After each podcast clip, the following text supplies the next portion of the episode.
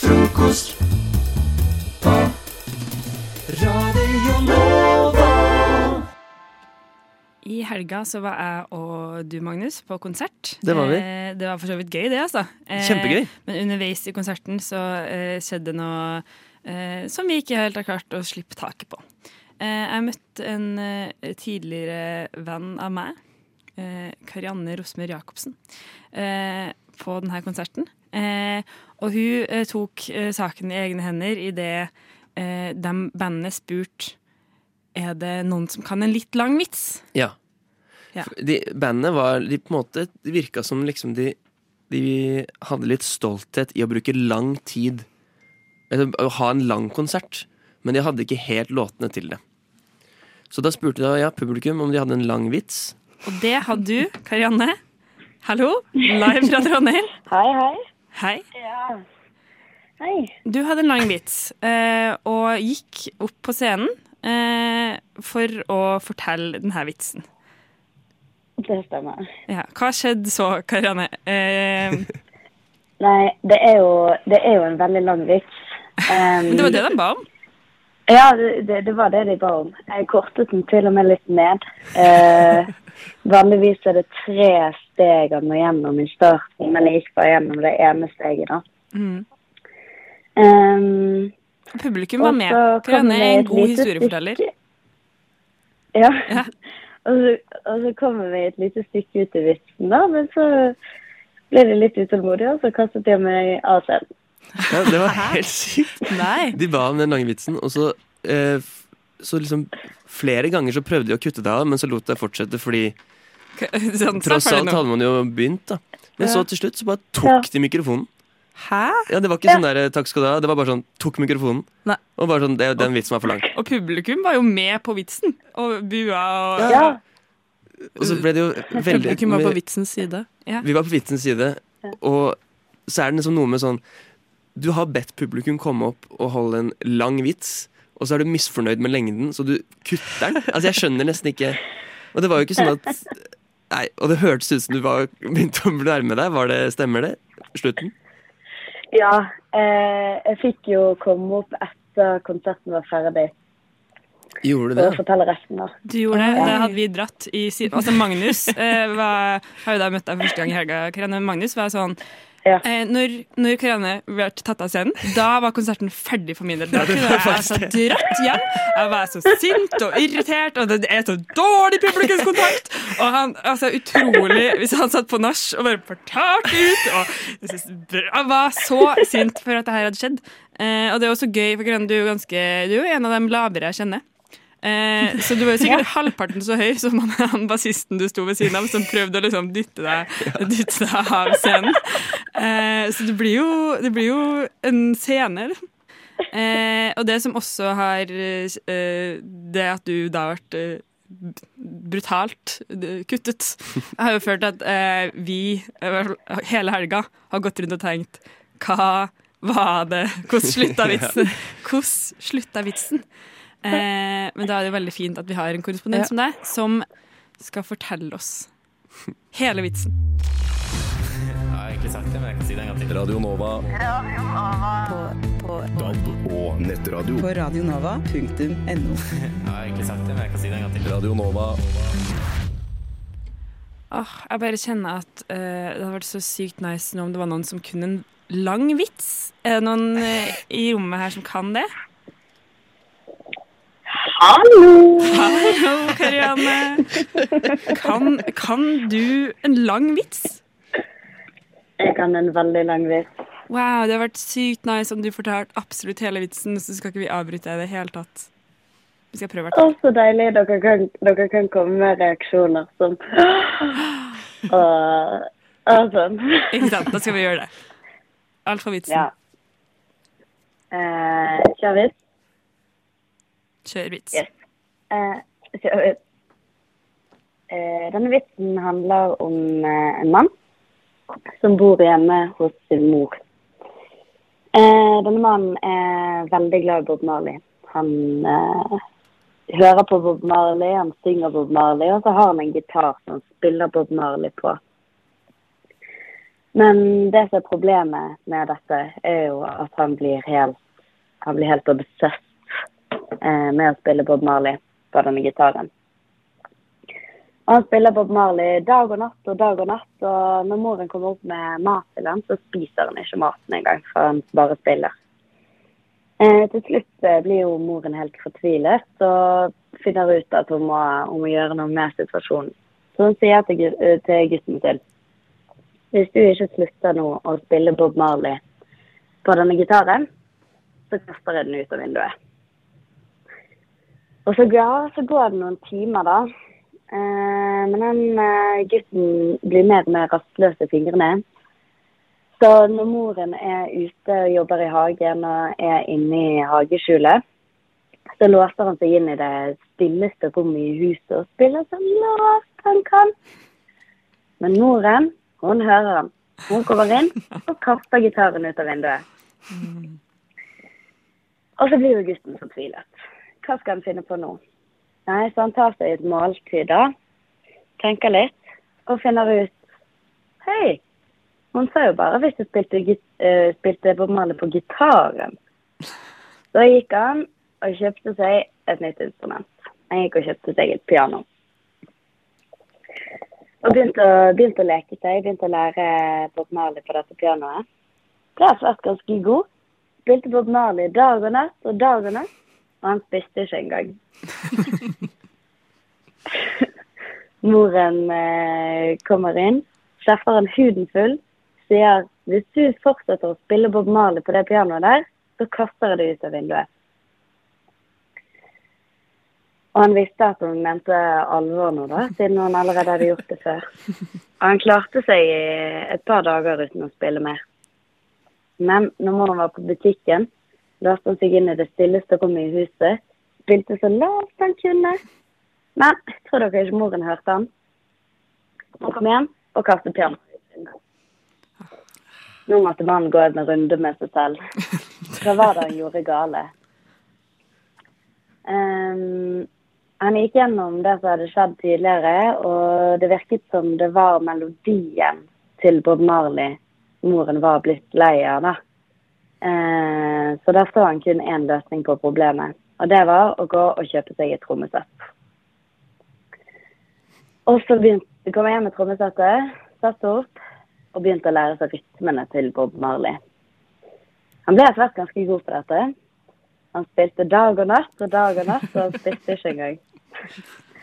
Moren kommer opp på rommet og sier Nå har jeg vært her oppe to ganger og sagt at hvis du spiller mer Bob Marley, så kaster jeg instrumentet ditt ut vinduet.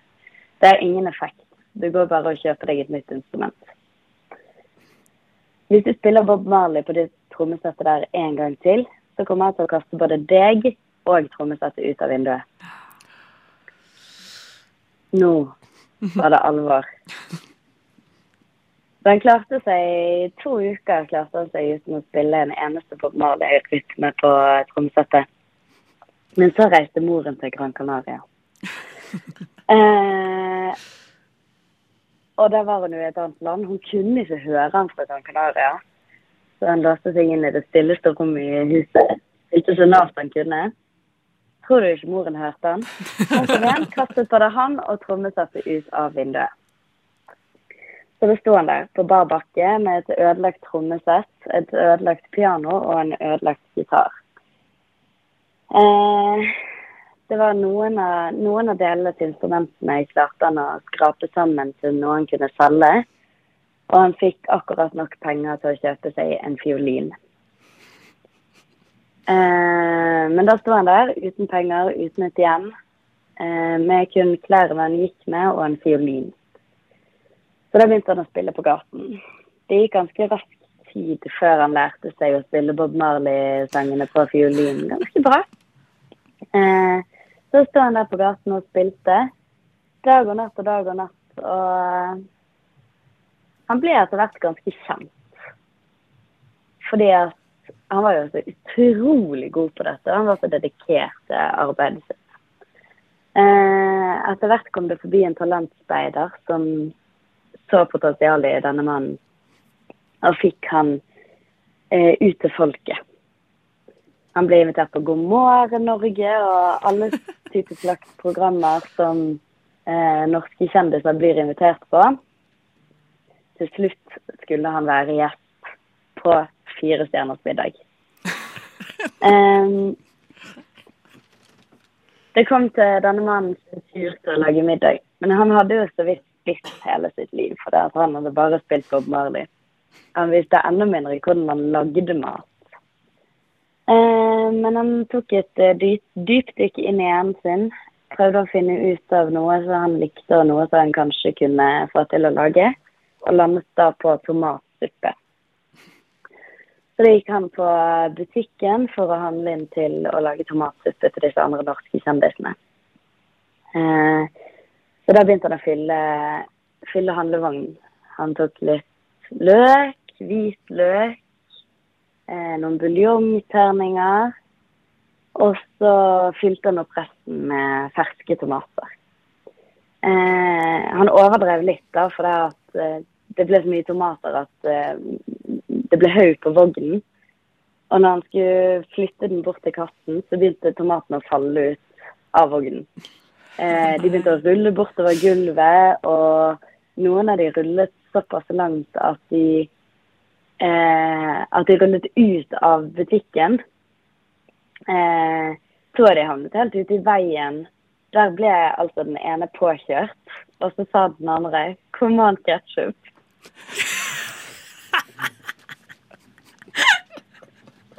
Å nei. Wow. Det var en veldig lang vits. En crowd pleaser. En Crowd pleaser der, ja. Wow. Ja. Tusen takk. Fikk vi endelig det var avslutningen digg. Det på den vitsen fint å der. få den. Å få den, eh, det gjort, ja. Nå får vi kanskje det sove i bedre natt. eller verre enn forventet? Jeg, jeg, jeg vet jeg, Jeg sa til Magnus sånn og her jeg bygd opp det her utrolig masse, så jeg vet ikke helt eh, hva Men jeg, altså det funka for meg. Jeg lo. Ja, ja. Jeg, jeg er fornøyd.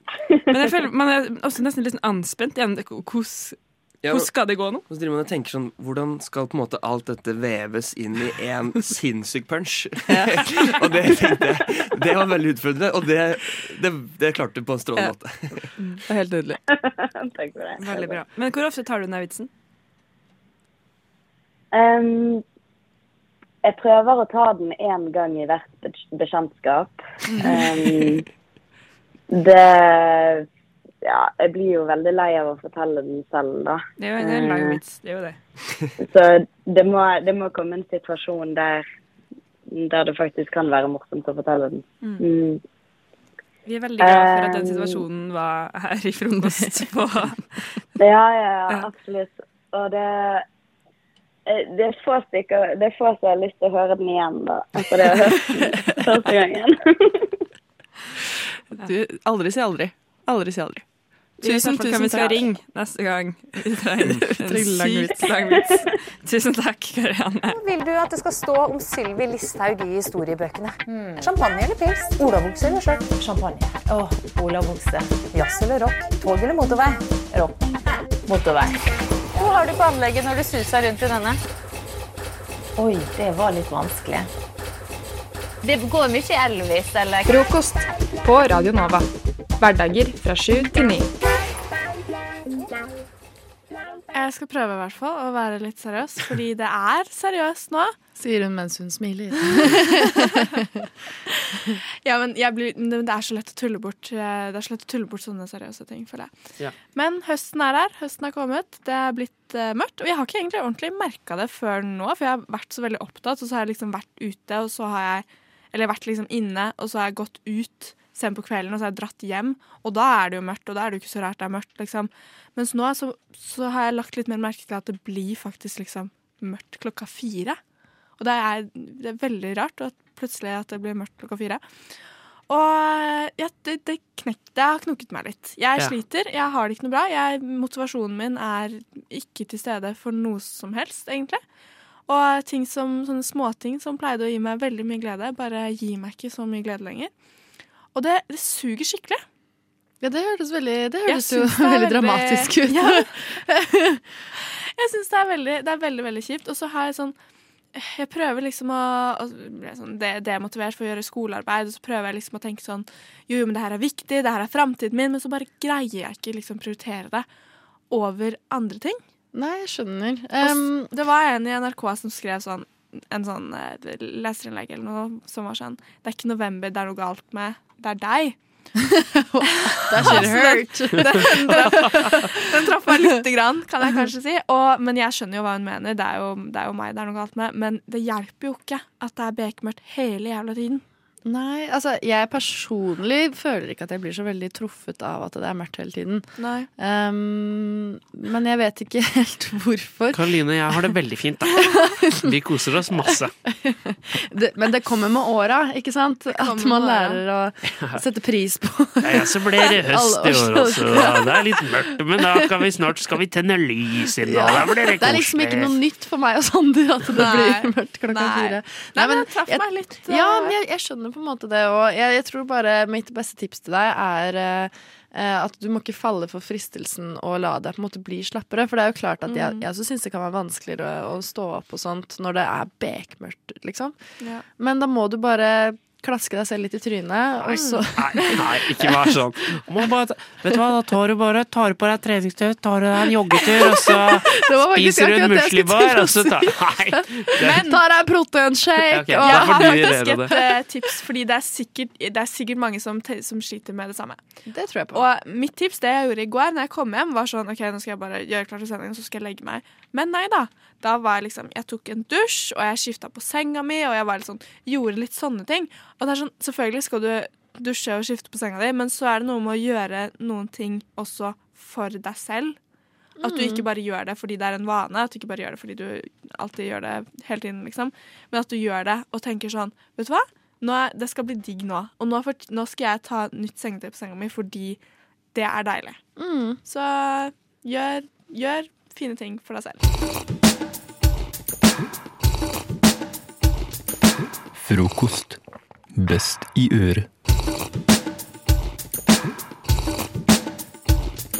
Eh, Forrige, forrige uke, Sander, så Ja. forlot du oss.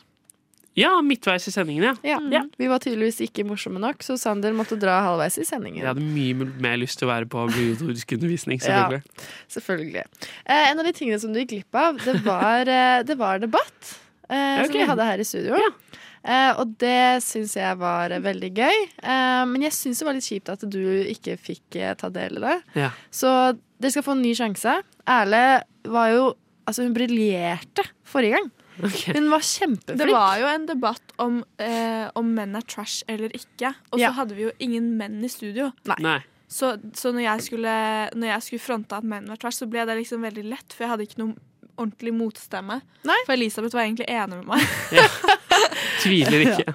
Så uansett, eh, den debatten som skal eh, skje i dag, eh, det er Hva skjer etter døden? Eh, Og Sander, Ja. du, du er jo religiøs. Ja. Ja. Ja, OK. Ja. Mm. Så du vet jo hvor ditt ståsted er her, mens Ja. Erle hun er eh, såkalt ateist. Såkalt. Såkalt ateist. Eh, ikke noe gud, ikke noe Ikke noe drit. Ikke noe natur noe engang. Nei, nei, altså, hun har naturfageksamen på torsdag, og det er det eneste hun tror på og sverger til. Eh, jeg vet ikke helt hva jeg syns, så dere må nesten overbevise meg. Hva, hva, hva er det som skjer etter døden? Ikke en jævla puck. Godt argument. Da tar jeg over det. Det har seg sånn at uh, hva, hva er vitsen, uh, Karoline? Hvis det ikke fins noe etter døden? Hvorfor, hvorfor eh, tar du dritt fra folk på gata? Hvorfor, hvorfor jobber du Hvorfor jobber du en tredjedel av dagen din hvis, eh, hvis det ikke er noe etter døden? Selvfølgelig så belønnes eller eh, straffes man eh, i det hinsidige. Jeg tenker at selvfølgelig jobber man en to tredjedeler av livet sitt, og man lever fordi det er jo livet. Er det livet å jobbe med, eller? Det er Kan du ikke tenke deg en virkelighet hvor du ikke trenger å jobbe? Jo, men hadde samfunnet sett annerledes ut? Det er jo bare samfunnet som har konstruert liksom Hvorfor tror du så mange mennesker aksepterer at samfunnet ser sånn ut som det gjør, hvis ikke det fins noe mer å se frem til? Fordi vi er, eh, vi er hjernevaska av myndighetene. Mm. Mm. Det er jo én tanke, men hadde det ikke vært tanke. litt hyggeligere Hadde om- vært hyggeligere, jo, men alt kan ikke være så jævla hyggelig hele tiden. Sander. Der kommer det. Kom igjen. Kom igjen. Dette er ikke briljering i debatt, hun blir jo bare sur. Du er bare du er bitter fordi du ikke har noe bra. Selvfølgelig har jeg noe bra å komme med. Altså, øh, kristendommen, øh, islam, de har over én milliard tilhengere hver. Hvorfor skal øh, en 18-åring fra Oslo øst sitte her og si meg imot? Er Jeg har, jeg har to milliarder i ryggen. Og mer enn det. Jeg har Mange milliarder. ikke så mange, kanskje. Har jeg, jeg har like mange i ryggen. Mm, har du det? Jeg har faktisk det. Har du statistikk? Ja, Få se den. ja det kan jo godt, den kan jo godt få seg. Har fem milliarder. Nei, det, det er ikke sånn fordi eh, kristendommen er over én milliard og islam over én milliard, så betyr ikke det at det er fem milliarder. Så betyr det faktisk at resten er ikke-troende. Så det vil si at resten er på mitt lag. Ja, så det er faktisk fem milliarder mot to milliarder Unnskyld, det er jeg som tar feil. Det fins jo bare to religioner eh, her i verden. Mm. Beklager, det tar jeg helt på min kappe. Takk. Skjerp deg, skjerp deg, ærlig. Selvfølgelig fins det et liv etter døden, for hvis ikke, hva er poenget da? Selvfølgelig ikke, fordi poenget er jo selve livet, Sander. Ok, Uh, vi, vi, runder, vi runder sammen her. Um, Vi runder sammen. Vi runder sammen. sammen så runder vi. Uh, gi, gi meg eh, tre ord, eller tre, tre grunner til at det ikke finnes et liv etter døden. Fordi Erle. livet er selve livet, og fordi døden er døden. Det var tre fine ord, det. Og fordi du blir Du blir begravet. Så hva skal skje, liksom? Sander? Gud er stor. Gud er stor. Jeg eh, vil nok si at eh, i dag så ble jeg mer sjarmert av eh, Sanders eh, retorikk. Enig. Em, Det var noe litt sånn menighetsfølelse, og så har du på deg turtleneck også. Ser litt kristen ut i dag. Ja. Ja. Nei, men em, da ble jaggu både jeg og Sander religiøse i dag. Ja, ja. Takket være deg, Erle. Nei, motsatt, eller? Nei, men hun var jo så dårlig at vi måtte nesten bli Ja, okay. religiøse. Er vi er. Vi er i hvert fall ikke som samfunn hjernevasket til å jobbe, i hvert fall. Aldri! Når jeg er sliten og trøtt når jeg kommer hjem fra jobben, så tar jeg meg en skikkelig middagshvil først. Sånn at alle tanker og sanser er samla til Frokost på Radio Nova. For noen år siden var jeg på ferie i Australia. Jeg hadde aldri vært der før, og hadde egentlig aldri vært ute av Europa, så det var ganske stort for meg, denne turen til Australia. Og jeg dro alene, mest fordi jeg egentlig bare ville dit. Og som vi alle vet, så er jo Australia der hvor djevelen har alle dyrene sine. Sånn, alle de verste dyrene finner du der. Helt enig. Og en av dagene så dro jeg altså på stranda, og jeg husker ikke hva stranda het, men det var mindre, det var, liksom, det var ikke en av de store strendene, det var en sånn liten strand et stykke utafor byen, som jeg var i. Her var, det mest, her var det mest lokale folk. Det var ikke liksom masse folk, det var, det var egentlig ganske tomt. Men noen sånne lokale surfefolk. Og jeg kan ikke surfe, og jeg kan fortsatt ikke surfe etter denne turen. Men her på den stranda så skulle jeg altså gjøre et forsøk. Og disse lokale surfefolka de, sånn, de lo litt av meg når jeg spurte om de kunne vise meg litt ting. Men de lot meg altså låne et brett og hadde litt sånn teori med meg på land før de sendte meg utpå. Og når de sendte meg utpå, og jeg skulle teste det jeg hadde lært i praksis, så fikk jeg beskjed om å beholde alle klærne på. Jeg visste ikke helt hvorfor, og jeg vet fortsatt ikke helt hvorfor, men tenkte at eh, de folka her har greie på det.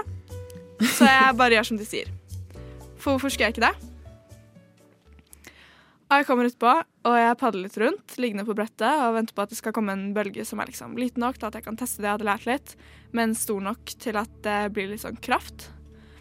Og plutselig hører jeg mye sånn hoiing fra land. Litt sånn, litt sånn australsk hoiing. Litt sånn Hvordan Oi! Oi! Du skjønner? Bare liksom veldig mye mer. Bare veldig mye mer. Bare veldig mye mer. Og det synet som møtte meg da jeg snudde meg i retningen de pekte, det er noe jeg aldri kommer til å glemme.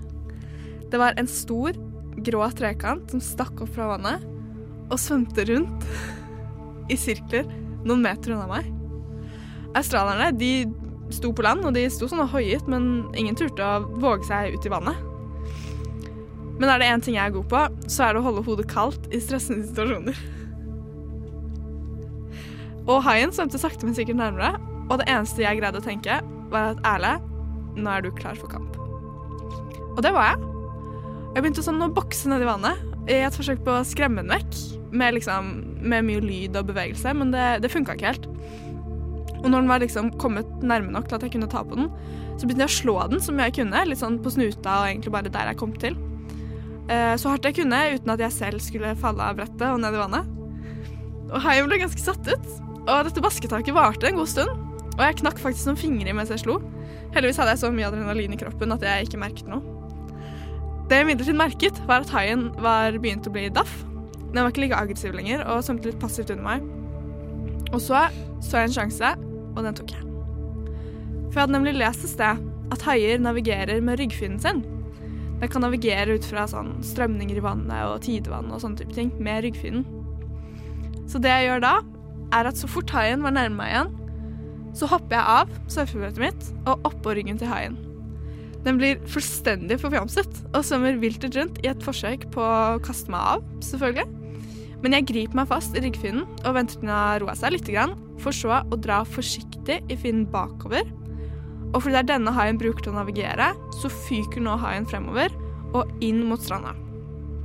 Jeg rir på en hai, og jeg rir den helt inn til de forskrekkede australierne som har sluttet å hoie, og som nå bare står der i fullstendig sjokk, for de har aldri sett noe lignende. Og når jeg har kommet helt inn til vannkanten, så begynner de på stranda å rope at jeg ikke skulle gå av. Jeg skulle bare bli sittende, for hvis jeg gikk av, så kom de til å få tak i meg og typ bite av meg beinet. Og det jeg også hadde lest, var at haier er livredde for sånn åler og sånn ålefisker. Litt sånn som at mennesker er redde for slanger, liksom. Og jeg, som fortsatt er fullt påkledd, river av meg beltet med én hånd, i- imens den andre hånden fortsatt holder hardt rundt ryggfinnen. Og jeg kaster beltet foran hodet til haien. Den fryser til, for den tror det er en ål, ikke sant? Og jeg ser mitt snitt til å komme av denne haien. Og jeg har ikke rukket å løpe langt vekk før det blir litt liv i igjen. Og den humper seg liksom litt tilbake i vannet før den svømmer vekk. Og så kan vi ikke se det noe mer. Og jeg ble, jeg ble hyllet sånn. Disse folka hadde aldri sett noe lignende. Og det henger faktisk fortsatt et bilde av meg på den sånn lokal kro sånn ved den stranda, i liksom lokalsamfunnet der. Og det er historien om hvordan jeg ble queen of sharks. Altså, hva faen? Hva er det her for noe piss? Hva mener du, piss? Det er helt sant. Det er Jeg dro til Australia for et par år siden. Da var du 16 Det var, det år var det gammel. første, ja. Så tenkte jeg bare Det er helt sant. Det var ikke så veldig mange år å hente fra, liksom. Hva? For en syredrøm du har hatt. Det, Det er helt sant. det er helt sant. Det er helt sant. Ja, ja. Ja, ja, og den haien skjønte sikkert ikke at du var borte. Tror du vel det, eller? Nei, jeg tror ikke det. Ikke jeg heller. Du Du Du hø hører på. På Radio Nova. Før låtene så fikk eh, Elinor og Rikke en oppgave av meg. De fikk eh, tre filmtitler hver, og så skulle de velge en av de tre og lage en filmtrailer ut av en av de tre filmene. Og de tre filmene de fikk, det var eh, litt sånn tilknudrede filmtitler, der jeg hadde tatt inn da et grovt ord som de hadde gitt meg i går. Så Elinor, du fikk da banneordet hestkuk av Rikke. Eh, Og fikk da filmtitlene Hestekukbanden, Siste skrik eller Hestekuk-Terje eller Mors hestekuk. Eh, Og hvilken av de tre gikk du for? Jeg gikk for Hestekuk-Terje. Jeg bare, det bare traff meg. Det resonnerte hos deg, Hestekuk-Terje. Eh, Og da fikk du også eh, sjangeren romantisk komedie. Ja. Så da, Elinor, er jeg veldig spent på hvordan Hestekuk-Terje-filmen blir, og da tror jeg vi bare sier action. Ja. Denne vinteren på Saga kino sendes en film du ikke visste du trengte. En god blanding av nostalgi, romantikk, rideleir og spenning skal du få i den nye filmen Hestkuk-Terje. Men jeg vil ikke dra! Dette har du bare godt av, Terje. Du skal få bli med Terje på en uforglemmelig reise til Røros på rideleir, tvunget av sin egen mor. Der møter han drømmedamen sin, Karen. Hun er den flinkeste på hesten, og Terje faller pladask etter første sekund. Konflikten oppstår da Terje får kallenavnet Hestkuk av de slemme mobberne Knut, Per og Arild. Jeg kan ikke forelske meg i en gutt som blir kalt hestkuk. Karen sitter i en knipe, men på slutten av rideleiren er det en konkurranse. For at Terje skal kunne få Karen, må han vinne. Om han gjør det, får du vite når du ser filmen 13. desember denne vinteren. Kommer kjærligheten til å vinne? Hestkuk 13.12. på Saga kino. Å, fantastisk, Elinor! det er Elinor! helt nydelig, Den Det vil jeg se selv. Hestkuk, Terje. Å, jeg får sånn vinter- og julefilmstemning med en Ja, gang. det var litt Det er noe av det sterkeste du har gjort i løpet av vårt vennskap. er så- Det der, det der, der var du så god. Nei, Hestekuk-Terje. Altså, jeg gleder meg allerede. Ja. Men det er jo kanskje ikke en film som treffer alle aldre og alle kjønn. Nei. Nødvendigvis. Det høres kanskje ut som en litt sånn teenage eh, romcom-variant. Ja, jeg tror målgruppa er kanskje er sånn 14 år. Ja. Mens du, eh, Rikke, du fikk jo da eh, Olsenbanden og Dynamittballe, for du fikk ordet balle. Ja. Eller Verdens verste balle, eller Ballejegerne. Ja. Med sjangeren action slash krigsfilm. Og hvilken film gikk du for? Jeg gikk for den som jeg er mest svak for selv, eh, Olsenbanden og Dynamittballet. Olsenbanden og Dynamittballet. Og hvordan er den filmen? Action, sier vi. Olsenbanden. Gode, gamle Olsenbanden. Du har hørt om de før, de er folkekjære. Men denne høsten får du se de i en helt ny uniform. Egon, Benny og Kjell blir dratt tilbake til, i en tidsmaskin til år 1940. Nærmere bestemt 9. april 1940. Tilbake til den skjebnesvangre dagen da tyske tropper invaderte Norge. De tre gutta vil gjøre alt i sin makt for å få fred på jorden og for å redde sitt kjære Norge. Men hvordan skal de få det til? På mirakuløst vis, sier Egon. Jeg har en plan! Og til det svarer Benny. Genialt, Egon! De tre gutta løper rundt i Oslo sentrum, i gang med å gjennomføre sin plan. Men med seg på laget har de, uten at de vet det, en illojal mann. Jeg snakker selvfølgelig om Bennys bror, bedre kjent som Dynamitt-Harry. Men i denne filmen mister Dynamitt-Harry all sin integritet og blir en helt ny person. Han blir rett og slett Dynamitt-Ballet. Klarer Dynamitt-Ballet å ødelegge Egons fantastiske plan, og får Dynamitt-Ballet med seg sin bror Benny på sitt lag. Olsenbanden og Dynamitt-Ballet på kino fra 29. november. Det er så bra! Det er veldig bra. wow. Nei, vet du hva? Dette, jeg er stum av beundring. Dette gikk akkurat som jeg håpet det skulle gjøre. Jeg gleder meg veldig til uh, hva heter? Hestekuk-Terje og Olsenmannen og Dynamittballet. Jeg òg. Det blir fantastisk eh, kinohøst. Det blir Dobbel Oscar på Norge neste år. What is going on here?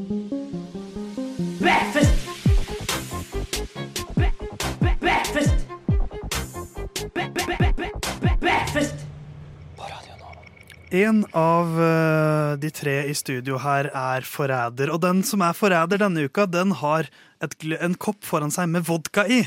Eh, nå har alle tre i studio fått en kopp hver. Eh, to av koppene er det vann i, en av koppene er det vodka i. Og så skal vi nå drikke disse, koppe, dette innholdet i koppene våre, én og én. Og så skal vi prøve da å avsløre hvem som har vodka i koppen sin, rett og slett. Verre er det ikke. Vi kjører. Og da skal vi drikke én og én, og så skal vi analysere hverandres fjes. Og Rikke, jeg vil at du skal begynne. Takk, for jeg vil bare bli ferdig. For du Tilfelle. tar, og Det er et pappbeger vi har stokket om. Vi aner ikke hva som, eh, hvor det er vodka. Nei. Vær så god. Frykten i øynene. Oi. Det var et, Det var blunk. det var et hardt blunk idet i det, i det strupen åpnet seg der. Ja. Eh, Men jeg syns du Det var ganske, det var ganske nøytralt, ja. ja. Ja. Jeg er glad. Men jeg vi har gå- litt, vi har litt å ta deg på. Ja, ok. Men skal vi gå rundt uh, rommet, da? Uh, Elinor, deg Ja. next. Mm. Oh, Det var deilig å få. Enten så er hun alkoholiker, eller så tror jeg det var vann. Ok. Da er det min tur. Du ble litt streng. Det, det, det var ganske bra, men jeg, Men det er fordi nå er jeg, jeg hadde lyst til å se deres reaksjon også. fordi at det, Men det er ingen som har sagt sånn mm, Men det var vann. Det er ingen som har vært Nei, det er men- sant. jeg, jeg blir litt sånn Er det bare jeg som ble glad? Men, men det, man tenker ikke over at, at vann, vann smaker bare vann. Det smaker jo ingenting. Ja, Nei, um, på ordentlig, da jeg drakk det For jeg, jeg, jeg følte at jeg kom til å ta vodkaen. Uh, Ja så når jeg, når jeg tok glasset, så ble jeg så utrolig glad da jeg smakte på det, at det bare var vann. Fordi jeg, Men, jeg, Men du så ikke så glad ut. det var et veldig hardt blunk. Ja, og du hadde, jeg føler du hadde bestemt deg for forhånd hvordan du skulle reagere. Ja. Så du var bare helt nøytral. Men jeg var litt Jeg hadde usikker. stjernan, stjernans, hva heter det? steinansikt. Men samtidig så konsentrerte du deg veldig, da. Til mitt forsvar så var jeg først ut, så jeg visste ikke hvor mye jeg skulle røpe med en gang. Jeg var litt usikker på om sånn, skal jeg rope at jeg hadde vann.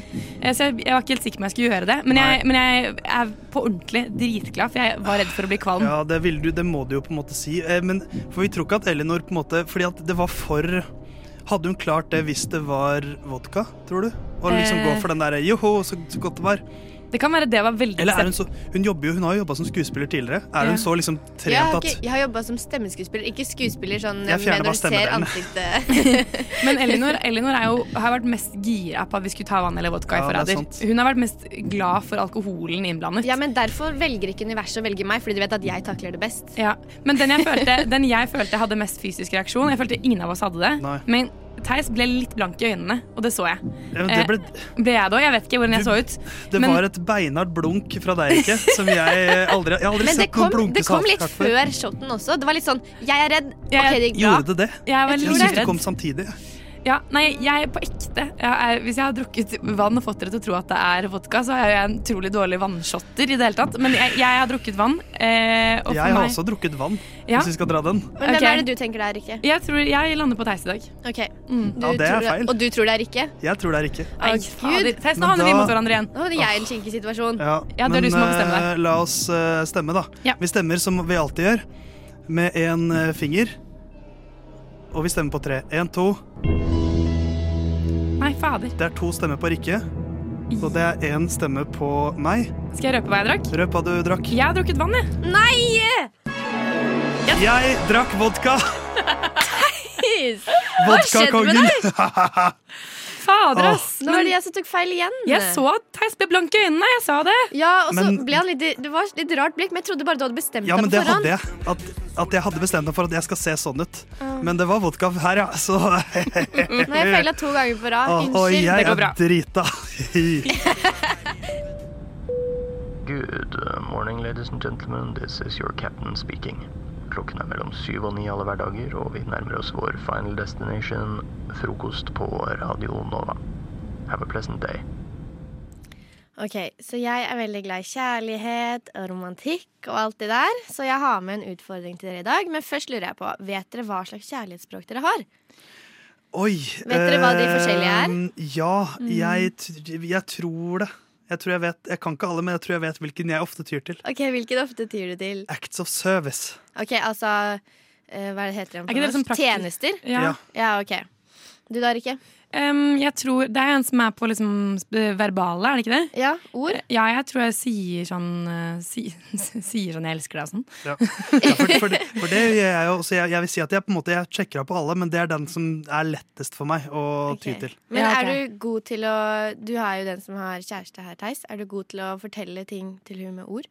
Ja, det vil jeg absolutt si. Oi, Ja. det er bra. Ja. Uh, jeg jeg allerede... sier jeg elsker deg, tror jeg. Tror du.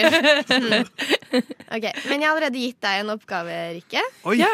Du har eh, fått eh, oppgave å finne tre ord som da Theis For jeg har ikke skal fått noen oppgave. Nei, du, Nå ble jeg du, nervøs. du får oppgaven nå. Ok, Si først hvilke ord du har. Eh, ok, Jeg har fått opp, i oppgave å finne frem tre ord. Eh, og De ordene er eh, kjøttkaker, busstopp og varmelampe. Ja, tre kjærlighetsord, det. Mm. Og du har jo feira at eh, dere var sammen ett år, var det vel? Med, Med Rebekka, heter hun. Rebecca, eh, for litt siden. Og det syns jo vi er veldig koselig. Jeg syns det er veldig koselig. Ja. Så jeg ønsker at du skal bruke da ditt kjærlighetsspråk som er verbale ord, Ja vel. med å skrive et koselig kjærlighetsdikt. Og det skal ikke være med noe tull, det skal være ekte følelser til da eh, Rebekka. Ja. Så hun skal høre dem på i dag. Å, det tviler jeg på. Eh, Jeg tror kanskje hun sover, for hun skal opp ca. klokken åtte i dag. Men, eh, da Men dette kan, jeg kan hun få høre på senere. Ja. Så det er da min utfordring til deg, Theis. Ja. Så det er bare jeg som skal få utfordringen. Ja, jeg har ja. allerede hatt min oppgave. Ah, det ah, den vanskelige finne tre ord-oppgaven. Nei, men da skal jeg, så jeg skal skrive et dikt, altså. Ja. Men det skal jeg, det skal jeg, klare, det skal jeg klare. Eh, så jeg da får jeg ca. fem-seks minutter på meg, da. Ja. En låt. Så jeg er tilbake med kjærlighetsdikt. Gleder meg. God morgen. Har du sovet godt? Å, godt å høre. Skal vi høre på frokost sammen? Ja, la oss, eh, la oss gjøre det.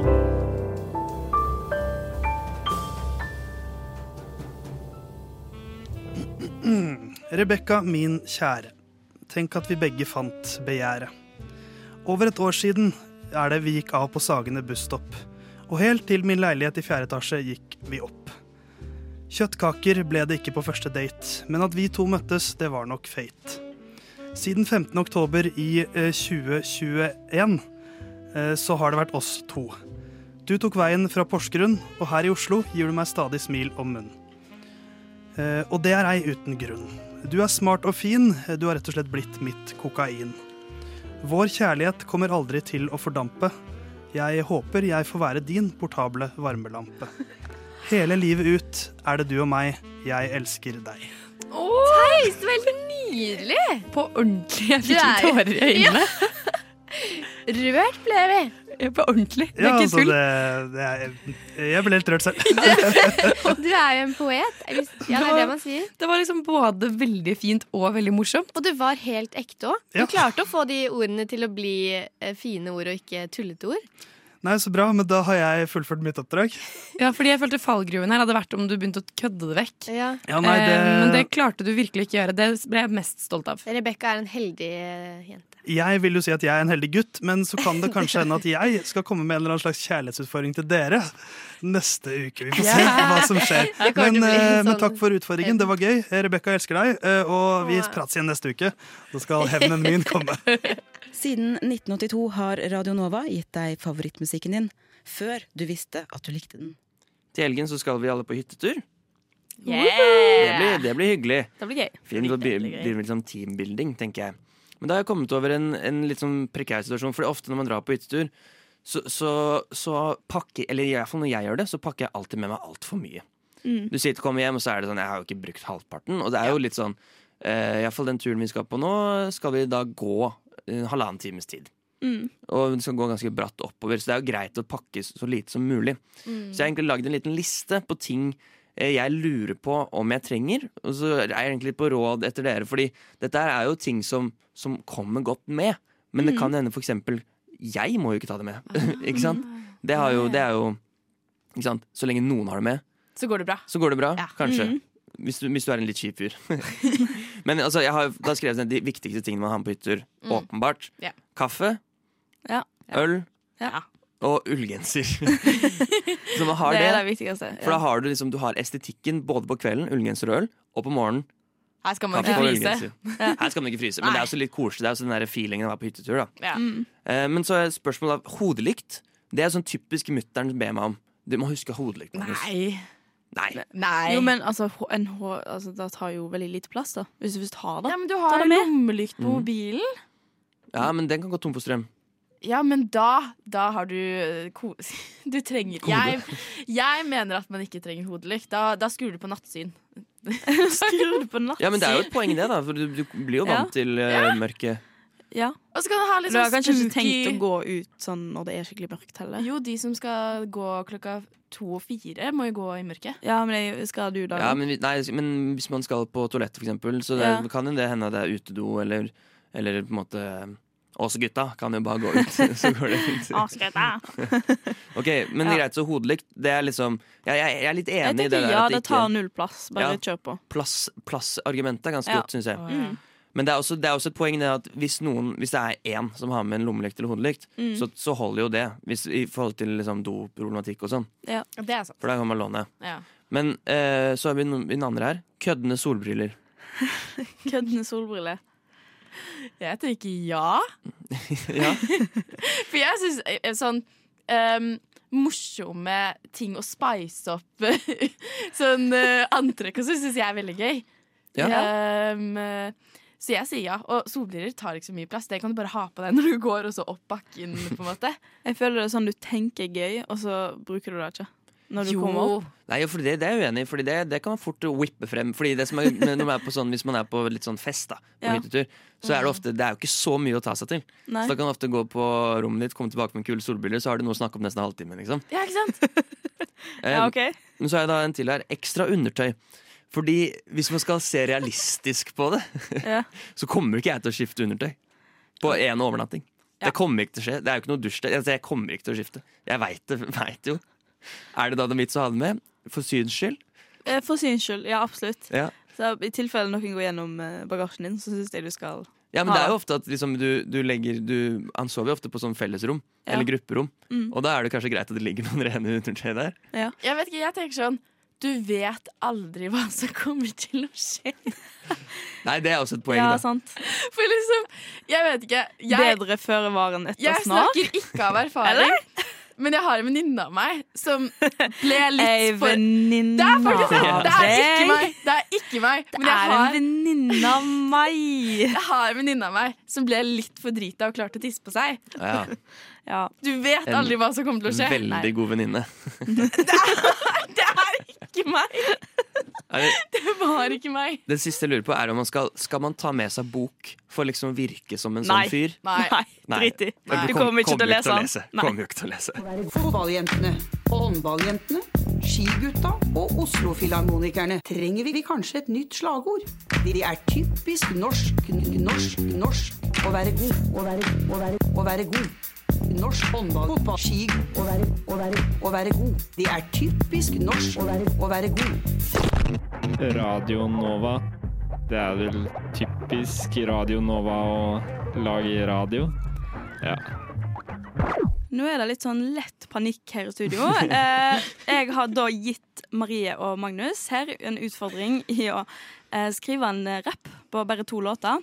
Eh, de skal ha en rap-battle. Maskorama versus Skal vi danse. Eh, jeg håper dere er klare. Ja da. Veldig Ja, ja. Hvem skal starte? Eh, Marie, vil du starte? Ja. ja. Take it away. OK, I'm gonna take it away. OK. Ja, ja. Maskorama in town. Maskorama in town. Ai, ai. Ei, ei, ei. Det er lørdagskveld. Alle samler fest i kveld med glitter og støy. Vi har et hårende ulv, en grisende zombie, u- det- rabagask og en nøkken som kommer fra din nærmeste elv. Vi samler her i kveld til å rope 'ta av masken', så spenn settebelt på. For her blir det et heftig, rå, spennende show. Woo! Hey! Det var bra. Ja, men uh, nå er jeg spent på å høre på Skal vi danse, da. Ja, det her. Det er ikke noe tvil om hvem som er best. Dansegulvet klart for sin cha-cha-cha. Skal veipe gulvet med Maskorama. Hør nå her, dette er originalen. Skal vi danse kjendiser svinger seg i dansesalen. Trine Dele, Kleve, Christer Tornell. Sju, åtte, ni, ti, dere var fantastiske i kveld. Maskorama, hva faen er det? Spelmannen, Dandy, Snørobot, Elgen høres mer ut som folkehøyskole i helgen. Katrine Moholt, hele Norges mami. Skal vi danse best, akkurat som salami. Et lite, ørlite nødrim på slutten der. Ja, lite nødrim på slutten. Ja. Nei, jeg, altså dette var jo uh, veldig Eller OK, veldig bra var det ikke, men det var en solid, solid greie. Jeg får på en måte Ja, jeg får lyst til å se begge program. Jeg sitter og skjelver her. Gjør du? Jo, det blir kjempegøy. Uh, men jeg tror nok altså Magnus har jo, uh, har jo drevet med radio før. Han har nok eh, måttet rappe litt opp gjennom, så jeg, eh, han går nok av med seieren, dessverre. Jeg bøyer meg ned. og salami og mami er et eh, fantastisk rim. Så eh, tusen takk. Tusen takk for en strålende kamp. I like måte. Dette er en jingle. En jingle. Jingle?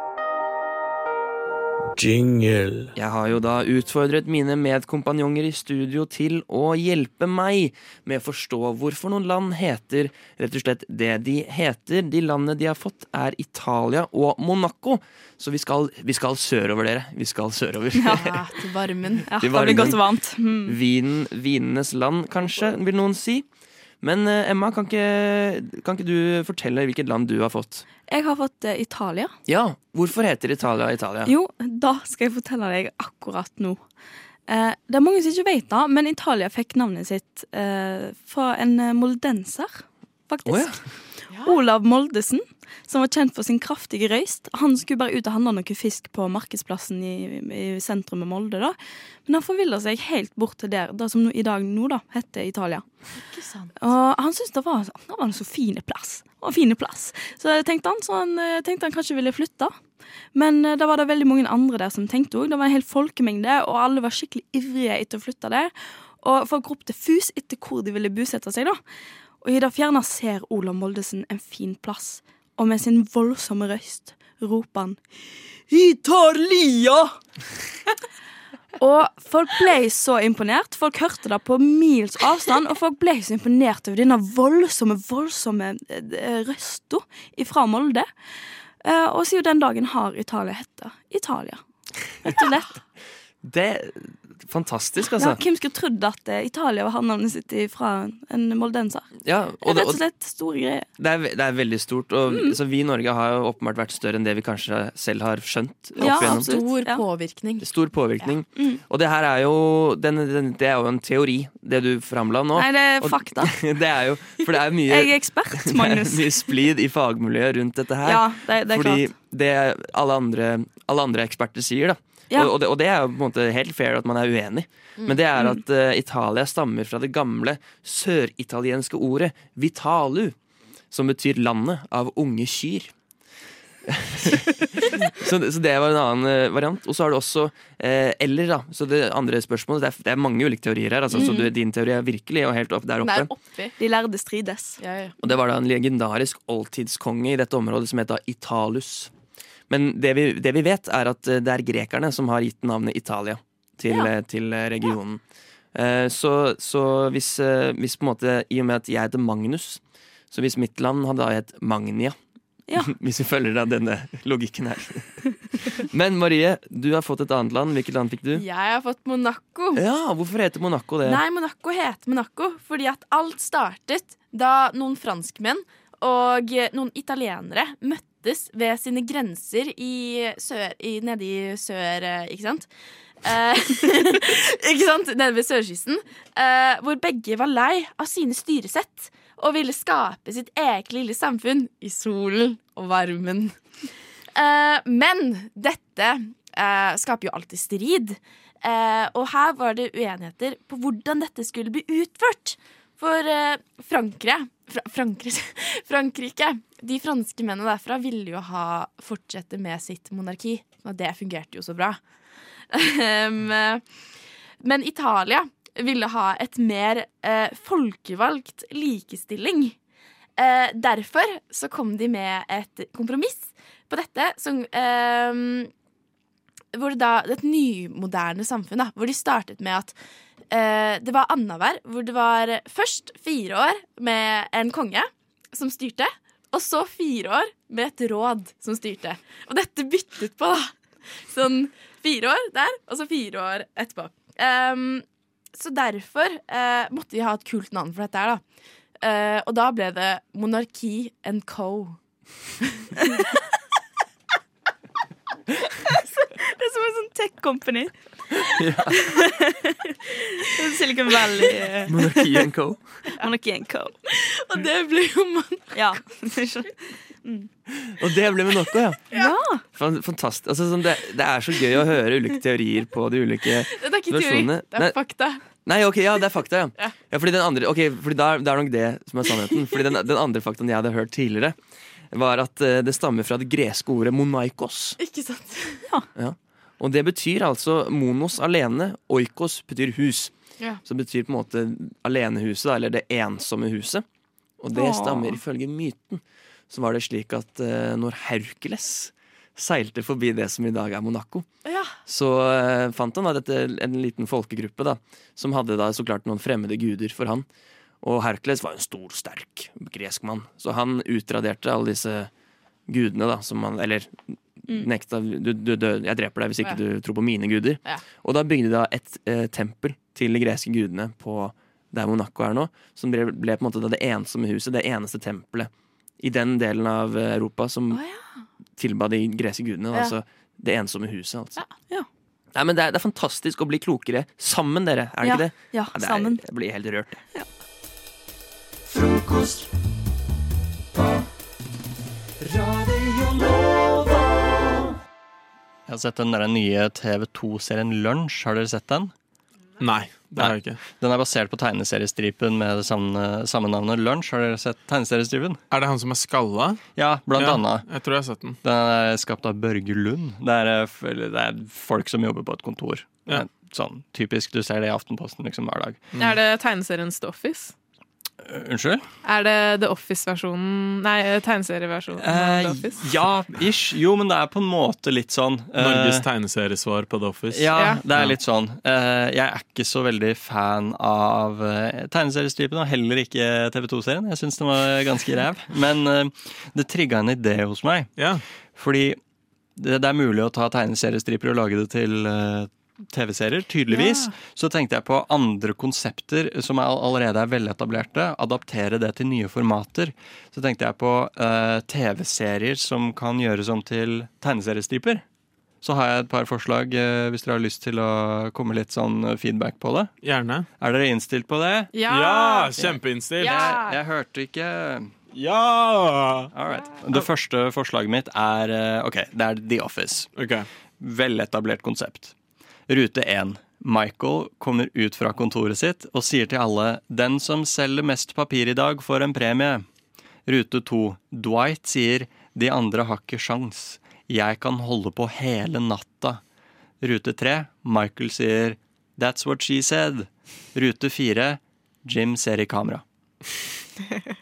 Ja, men det er selvfølgelig det der med at de ser i kamera og er litt sånn åh, det, Ja. er liksom, det føler jeg er så ikonisk. Eller sånn, Ikke sant? Det er så The Office. Eh, Og det er perfekt egentlig til et tegneserieformat. Ja. Fire ruter. That's it. Og du, du kan ha samme punchline i hver eneste stripe. Ja, det- ja det, er veld, det er veldig godt poeng, egentlig. Ja, Men uh, OK, det her er en liten annen stil. Det her er Friends. Ja. Uh, Rachel, Chandler og Ross Ross um, De sitter på den kafeen de alltid sitter på. Ross sier da 'Å, det er en ny utstilling på museet jeg vil se'. Rachel, vil du være med? I rute to.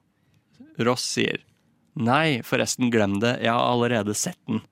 Rute tre. Rachel sier 'Å, dro du dit med hun dama du var utro med?' Og så sier Ross i rute fire 'We were on a break'. Eh, og så er det en eventuell bonusrute hvor Chandler sier 'Could this be any more awkward'? Eh, er du med? Ja, ja, ja. Ja, jeg syns det, det er noe der, liksom. Ja. Som jeg har lyst til å ta med videre. Ja. Sånn, jeg, jeg, jeg kan se for meg at, eh, at sånn Friends kanskje, kanskje kunne funka, Mm. men jeg føler at eh, Jeg er litt usikker på akkurat den der. Mm. Ja. Uh, ja, rekker vi en til, eller? Ja, altså gjerne. Jeg har, jeg har en kjapp en til. Ja. Ok, Der er enda en Friends-greie. Rute 1. Joey sitter i sofaen på mobilen. Rute 2. Han scroller gjennom filtrene på Snapchat og finner det damefilteret så han ser ut som en dame. Rute 3. Joey tar en selfie. Rute 4. Joey sier 'How you doing?' til bildet av seg selv. Ok, den, den liker jeg bedre. Den likte den syns jeg passer bedre. Takk. Mm. Jeg For synes det funka. Den har liksom eh, ja, jeg, Både med den første og den siste du sa nå, så syns jeg de hadde veldig sånn gode sånn punchlines, på en måte. Mm. Det var mer sånn tydelig punchline. Ja, ja, enig. Uh, og det likte jeg veldig godt. Det passa veldig fint, Ja, syns jeg. Jeg føler liksom at det er sånn punchline som alle tar, selv om de ikke har tatt friend, nei, sett Friends engang. Så Ja. det er Mm. liksom er veldig etablert. Ja, enig. Ja. enig. Ja, men da, sier vi, da kjører vi på med det.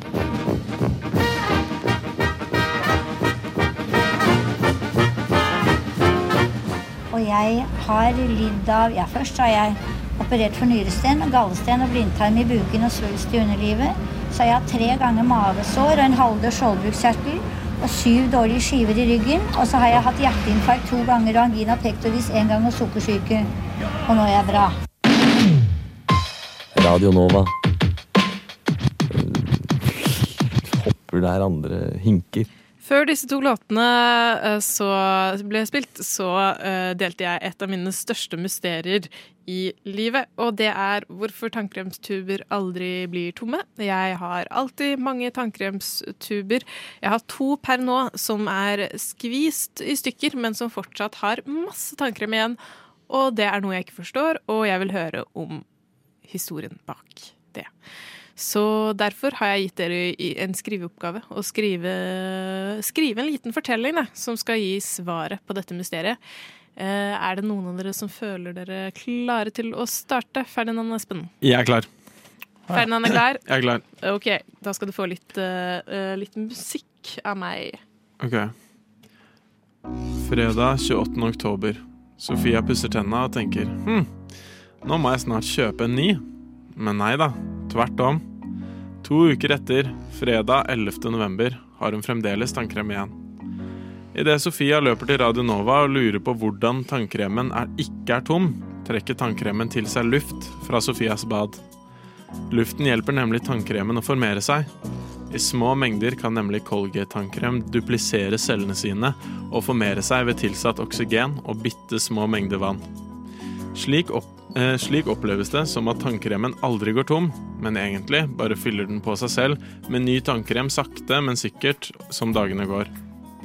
Men de små mengdene vann holder den for å reprodusere i et hyppigere tempo. Oi! Ja vel. Det var en interessant eh, teori, da. Ja, veldig sånn um, Teori? Ja, te Eller er Fakta. fakta, Ja, sorry. Det der er direkte fra Wikipedia. altså. Å ja, du har ikke gjort en dritt? du. Nei, det står om Sofia og datoen og sånn på Wikipedia. Oi, shit. ja. Ja, men da Det er sjukt, egentlig. Ja, Føler meg kjent. I Sofias tannkremtube bor det en tannkremfamilie. Denne familien reproduseres kontinuerlig, og hver dag Sofia er ute og lever livet sitt som eh, kunst- og håndverksstudent, så skaper eh, de flere tannkrembarn. To ganger hver dag angripes denne familien av kjempen Sofia. Hun vil separere dem. Hun vil drepe dem og spise dem.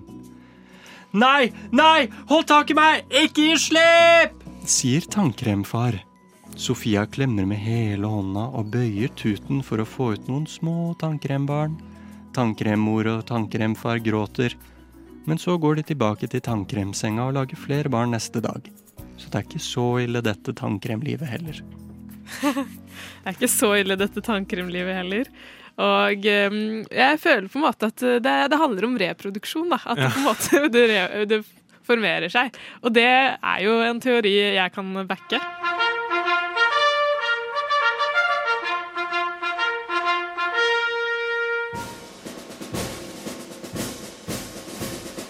God morgen, mine medsoldater. Lytt til frokost mellom syv og ni hver dag på Radio Nova.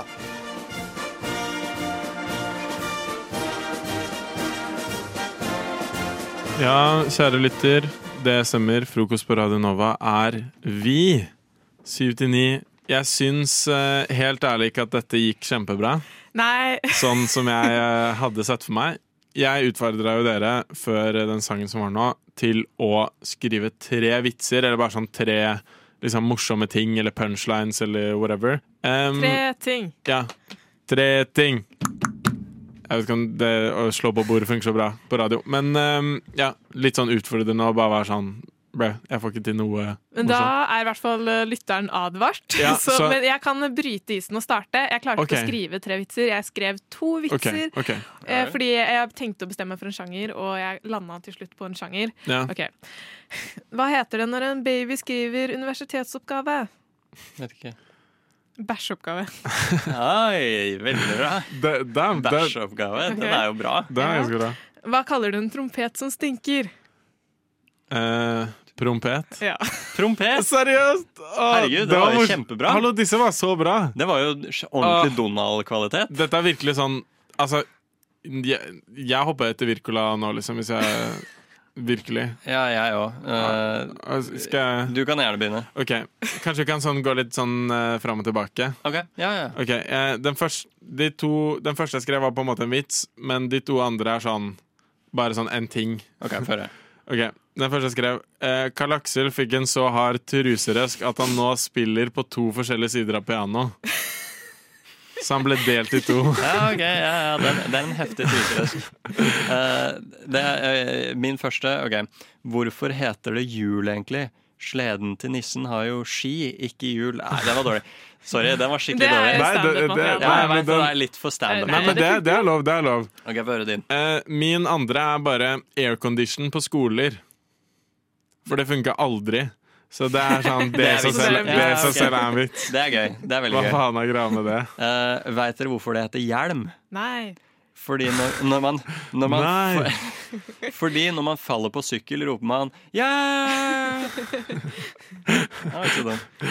Ok, Ja, det var bra. Uh, og min, min siste er bare filet og fish på Mækkern. Mm. Ja, ja. Det er altså Det, det var litt lik er sjanger. god, som sa. Ja, nei, ja, den er ikke så ille, men det er bare sånn, den bare er litt sånn spess. Ja. Så den matcher ikke noe annet de har der, liksom. Det er veldig sånn, Det er den er veldig sær. Ja. og det er veldig nisjehvitt. Så det er litt kul stil, egentlig. Um, hvor mange vegetarianere tar det for å skifte en pære? Bare én, men han spiste den. Ja, altså, det funker, det funker. Jeg syns dette var veldig morsomt, jeg. Enig. Det var veldig gøy. Bra jobba, begge to.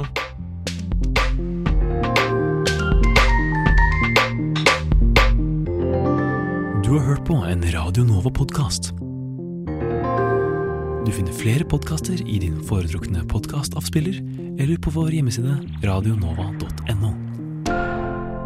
Rebekka elsker deg